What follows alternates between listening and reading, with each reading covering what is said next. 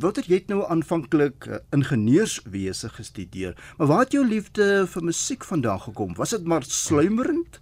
Wel, eintlik het my ma my na 'n simfoniekonsert toe gevat toe ek 10 jaar oud was. En as het vir my gevra wat wil ek speel en my broer kies kies toe die klarinet, my susters kies toe die viool en ek kies die fluit. En uh, my onderwyseres was siek vir die eerste les.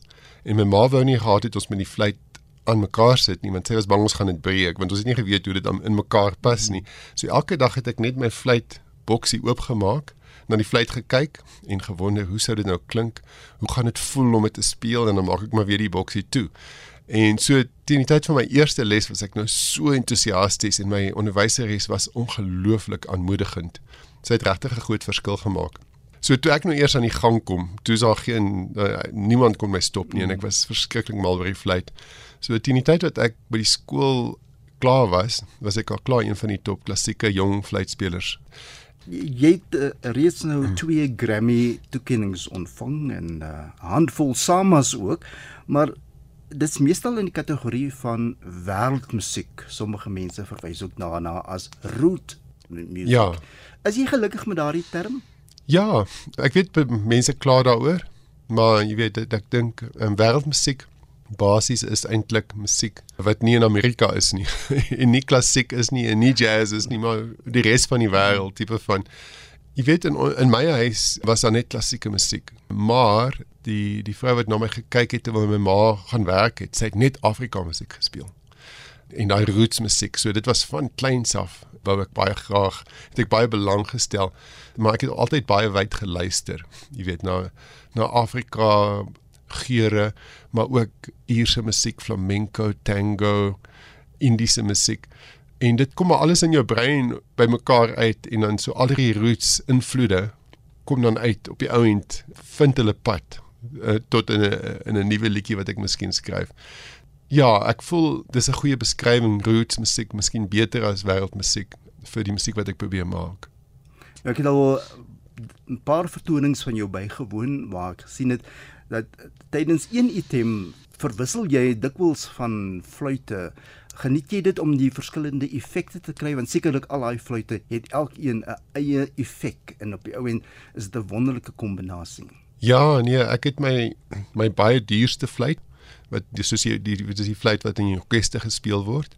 Dit is nou 'n baie duur fluit, maar dan het ek byvoorbeeld my 5. Dis 'n plastiek leerling fluit wat minder as 100 rand kos en uh, maar dit maak 'n pragtige klank.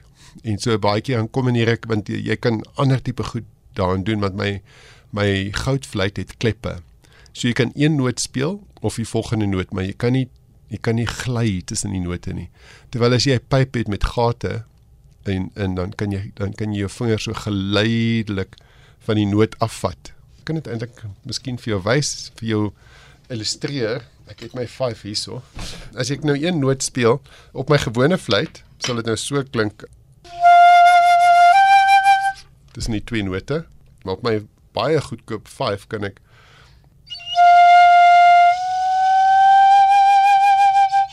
So ek kan iets daar doen wat ek nie op die ander fluit kan mm. doen nie. En dan het ek ook my my my basfluit wat mm -hmm. dieper klanke maak en my altfluit ja. en dan het ek ook allerlei Indiese fluitte en so aan so afhangend van die van die klank en wat ek van wat ek probeer express in die in die liedjie sal ek nou die die die die vir die fluit wat die beste werk vir daai gevoel sal ek nou gebruik. Jy is baie suksesvol wanneer dit kom by klankproduksie. Dis nie net meer 'n fluit melodie lyn wat gespeel word nie, maar daar's ook ander geluide as dit ware om dan nou so 'n term te gebruik, maar dis eintlik uh, verskillende klanke wat jy graag uh, ook in jou musiek inwerk. Vertel 'n bietjie meer daaroor en miskien kan ons 'n uh, voorbeeld kry. Ja, die fluit is eintlik 'n verskriklike veelsidige instrument. Mense mense besef nie hoe amazing die fluit is nie. Natuurlik is ek nou 'n bietjie ek's nou nie heeltemal neutraal nie, mm. maar die fluit jy kan 'n pragtige klassieke melodie doen of jy kan 'n jazzy gevoel of 'n funky gevoel, maar jy het ook baie uitgebreide tegnieke. Jy kan allerlei perkussiewe elemente soos die en jy kan ook sing en speel te gelykertyd. Mhm, mhm. Jy kan ook beatbox op die fluit. Ons doen met jy weet fluteboxing. Jy weet jy kan byvoorbeeld 'n melodie vat van 'n ritmiese vinnige melodie soos dit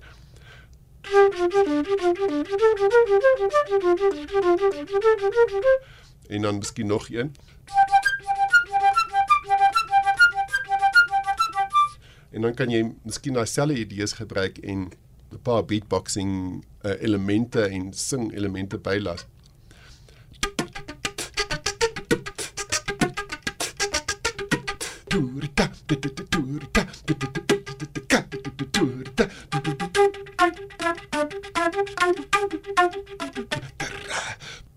Wonderlik Wouter, baie lekker en baie goeie illustrasie van waaroor ons nou sopas gesels het.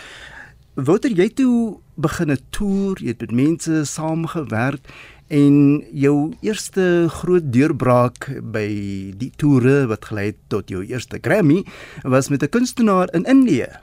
Eintlik het ons uh, mekaar se musiek ontdek op die internet en in die hele Grammy wêreld het ons toe vir mekaar begin musiek stuur en is 'n Indiese regisseur en komponis Ricky Cage en ek het baie van sy musiek gehou, het baie van my musiek gehou. Ons ons het besluit, jy weet, van Suid-Afrika en Indië het baie in gemeen. Mahatma Gandhi het mos 'n hele klomp tyd in Suid-Afrika hmm. gespandeer en baie van sy filosofie hier ontwikkel. So toe toe skryf ons 'n liedjie vir Nelson Mandela en nog een vir Mahatma Gandhi. En dit gaan toe so goed dat ons besluit om 'n hele album te doen. En die album was toe het verskriklik goed gedoen op die radio in Amerika veral en toe het ons 'n Grammy gewen wat ons nie kon glo nie. Dit was vir ons absoluut 'n ongelooflike ondervinding om nou iemand om dit te ondervind. So dit was heeltemal 'n droom wat waar geword het. En dan het jy op begin om met plaaslike groepe te werk. Daar was onder andere die Soweto Gospel Koor uh julle saam het hier in Suid-Afrika self by RSG op die M1 ateljee hier in by die SAIK het julle konsert saam aangebied. Hoe was dit vir jou om toe met 'n koor te kon werk? Ja, dit was 'n ook 'n nog 'n droom wat ek lankal wou gedoen het en toe toe ons nou toe saam ry album gedoen saam met die KwaZulu-Natal Sinfonieorkes. So dit was die album se naam was Symphonic Soweto, a tribute to Nelson Mandela. So ons het toe hierdie hele album saam gedoen, was verskriklik baie werk. So dit was dit het nogal, jy weet, dit het my lewe verkort met 'n paar jaar daai album. Maar toe ek nou eers begin werk saam met hulle, toe besef ek jy weet dit werk eintlik baie goed fluit en koor. En ehm um, wat toe gebeur het is baie interessante storie is dat ons daar was 'n Nigeriese kunstenaar wat saam met ons 'n projek wou doen saam met my en uh, Soweto Gospel Koor. En ehm um, Soweto Gospel Koor was nie beskikbaar nie. Toe soek ons nou 'n ander koor en ons kon niemand kry nie. Die Mzansi jeugkoor was besig en Talsie my bestuurderes bel toe rond bel toe rond en ontdek die Ondlowu jeugkoor wat toe absoluut heeltemal onbekend was en sukkel het om genoeg werk te kry en so aan. En toe dog ons hulle kan 'n projek saam met ons doen en toe ons eers saam met hulle begin werk, toe ontdek ons hulle is daai kinders is absoluut fantasties. Toe besluit ek miskien kan ek hulle 'n bietjie help. Ek sal 'n liedjie saam met hulle doen. Ons doen do Ed Sheeran se Shape of You 'n mm. Zulu weergawe daarvan. En die liedjie uh, het toe verskriklik goed gedoen op YouTube en Facebook en so aan. En toe America's Got Talent mm. daai YouTube uh, klip gesien en toe hulle uitgereik na hulle toe en gesê wil julle nie asseblief kom inskryf America's Got Talent nie en Lowo het toe ingeskryf en toe al die pad daai kinders was ongelooflik mm. weet vir kinders uit moet sê jy weet uit die platte land uit wat daar in LA eh, op die grootste verhoog in die wêreld jy weet hulle was net ongelooflik ek kon nie glo hoe goed hulle gedoen het nie en toe hulle terugkom hierso toe hulle so gewild want almal almal het natuurlik ja. en nou het hulle so baie werk en hulle so duur dat ek hulle ook nie eers kan bekostig meer nie so so dit is maar net fantasties om te sien om deel van daai storie mm. te hmm. wees en uh, een of ander, jy weet, daarmee 'n rol te kon speel om hulle om hulle help. Hulle is vir, vir die volgende dekade ten minste het hulle genoeg werk. Ja. Jy toer gereeld besoek baie verskillende plekke in die wêreld en dan speel jy nou van jou musiek wat Suid-Afrikaans is voor. Uh, wat is die reaksie van die gehore en hoe vind jy dit om ons hmm. musiek tentoon te stel?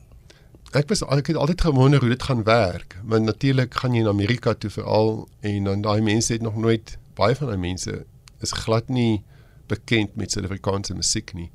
Maar wat my verbaas het is hoe hoe die mense dit verstaan. Is vir my ongelooflik dat jy weet hulle het nog nooit hierdie musiek gehoor nie en dan hoor hulle dit vir die eerste keer en dan hou hulle dit ek, dit was glad nie vir my nodig om enigiets te verander nie. So ek dink daar's jy weet met hierdie roots elemente. Dit voel amper vir my asof as mense 'n paar duisend jaar teruggaan in mensdom en dat daai musiek wat wat ons almal in gemeen het hmm. iewers in ons onder diep onderbewussyn 'n lewe en as jy dan daai musiek vir hulle speel dan herken hulle dit amper. Jy weet dis amper hoe dit vir my voel. So dit is absoluut ongelooflik en byvoorbeeld maar wat my my band vir my sê wat hulle gunsteling ondervinding was was toe ons Indië toe was vir die Rajasthan International Folk Festival dan hulle vlieg ons nou dan 'n week voor die tyd en dan speel ons saam met die volksmusikante daar wat nog nooit uit 'n klein dorpie was nie wat al hulle musiek van hulle ouers af gekry het. En dan doen ons nou Suid-Afrika Indiese samewerkings en hulle praat ook nie Engels nie. Ons het 'n vertaler wat ook 'n musikant is wat dan jy weet alles fasiliteer. Maar dan dit werk ongelooflik goed. Heeltemal uit Afrika en en en uit India uit en dan kombineer jy dit en dan sê ongelooflik dit is so verbasend dat ons in 'n paar dae 'n hele program kan opstel en dit kan werk en dan die Saterdag aan dan tree ons dit nou op in die fort daar in Jodhpur. Mm -hmm. En dit is net ongelooflike ondervinding om dit nou oral in die wêreld te gaan doen. En toe kom jy tweede Grammy en dit was vir Bayette. Twee jong musikante en uh, jy werk deur al die generasies lyk like dit my. ja. Wel natuurlik uh, beskou ek myself nog as uh, jy weet as ek met hulle werk voel ek jonger as hulle. maar ek weet dit is nou nie die realiteit nie maar ja, ek het Nontribo weet sy is die sangeres van Jerusalema en uh, ek was nog altyd mal oor haar stem. So ek het laas jaar uitgereik na haar toe en gesê kom ons doen iets saam. En uh, Zyx Pantwini het nou al 'n paar, ons het nou al 5 jaar gelede al begin gesels om iets saam te doen. En toe besluit ons nou die drie van ons gaan nou iets saam doen. En die liedjie het nou toe verbasend, weet ons is nou almal uit heeltemal vers, verskillende genres, mm. jy weet. Mm. So om nou iets saam te doen gaan nie noodwendig werk nie, maar dit die liedjie het toe verbasend goed gewerk. Ek weet ek kon nie glo dat dit so in mekaar geval het nie. Toe ek nou begin het, toe was dit nie so maklik nie. Ek het eers vir hulle 'n klomp idees gestuur waarvan hulle wat ek gedink het amazing is, maar wat hulle nie gedink so amazing is nie. En toe stuur hulle weer vir my idees en toe is maar so, jy weet, uh, oor die tyd saamgewerk en toe die liedjie nou redelik maklik in mekaar geval op die ou einde. En toe besluit ons ons ons skryf dit in vir 'n Grammy. En so ons het ons het geen kans om die top 5 te nomineer genomineerdes te maak nie. En toe tot ons grootste verbasing toe het hulle ons naam afgekondig daar en ons kon dit nie glo nie, maar dit was jy weet, dit was dit was regtig 'n fantastiese ondervinding. Ja, en ons in Suid-Afrika is almal baie trots daarop. Uh, Wouter, om terug te keer nou na jou begin toe jy nou begin het met klassieke musiek. Luister jy daarom nog so af en toe na klassieke musiek? Ek dink byvoorbeeld nou aan Mozart se fluitkonsert. Ja, nee, ek luister gereeld en ek het eintlik laas jaar in die Sloveniese fluitfees gaan speel en gespeel saam met Emmanuel Pahut wat die eerste fluitspeler is van die Berlynse Filharmonies en Adam Walker die eerste fluitspeler van die Londense Filharmonies was ook daar gewees en ek het toe tipe van 'n my program wat dis van klassiek af tot by roots, jy weet, so dit hang net af hoe mense dit frame. Maar ek luister gereeld nog klassieke musiek en ek probeer nog steeds 'n pragtige melodie doen. Mm -hmm. Jy weet, maak nie saak wat se tipe roots musiek ek doen nie dis dis daai selfe beginsels. So dit is definitief nog 'n sterk invloed. Ja, toe jy effens geillustreer het met die gewone klankproduksie en die verskillende tegnieke, kon 'n mens nog steeds die melodie lyn kon jy volg ten ja. spyte van al die tegnieke wat jy bygevoeg het. Ja, presies. So dit is in al die musiek wat ek maak is daai invloed nog baie sterk. Hmm. Bote nou ons gaan nou afsluit en jy het vir ons so 'n stukkie musiek wat jy nog gaan speel, die hooftema en dan ook 'n variasie daarop.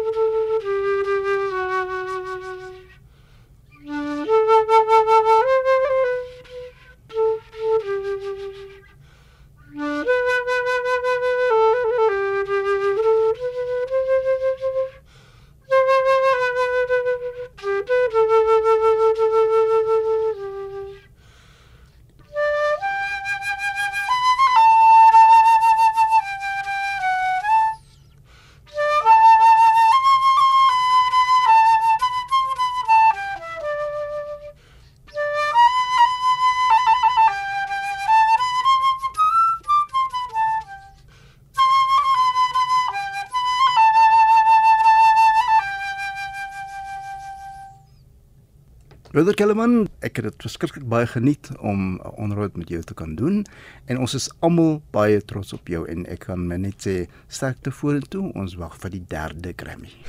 baie dankie Terrence, dit is baie lekker om met jou te gesels en dankie vir die geleentheid om my storie te deel met julle. Ja, en ons sien uit miskien volgende jaar vir die derde een. Nou ja, daar's hy.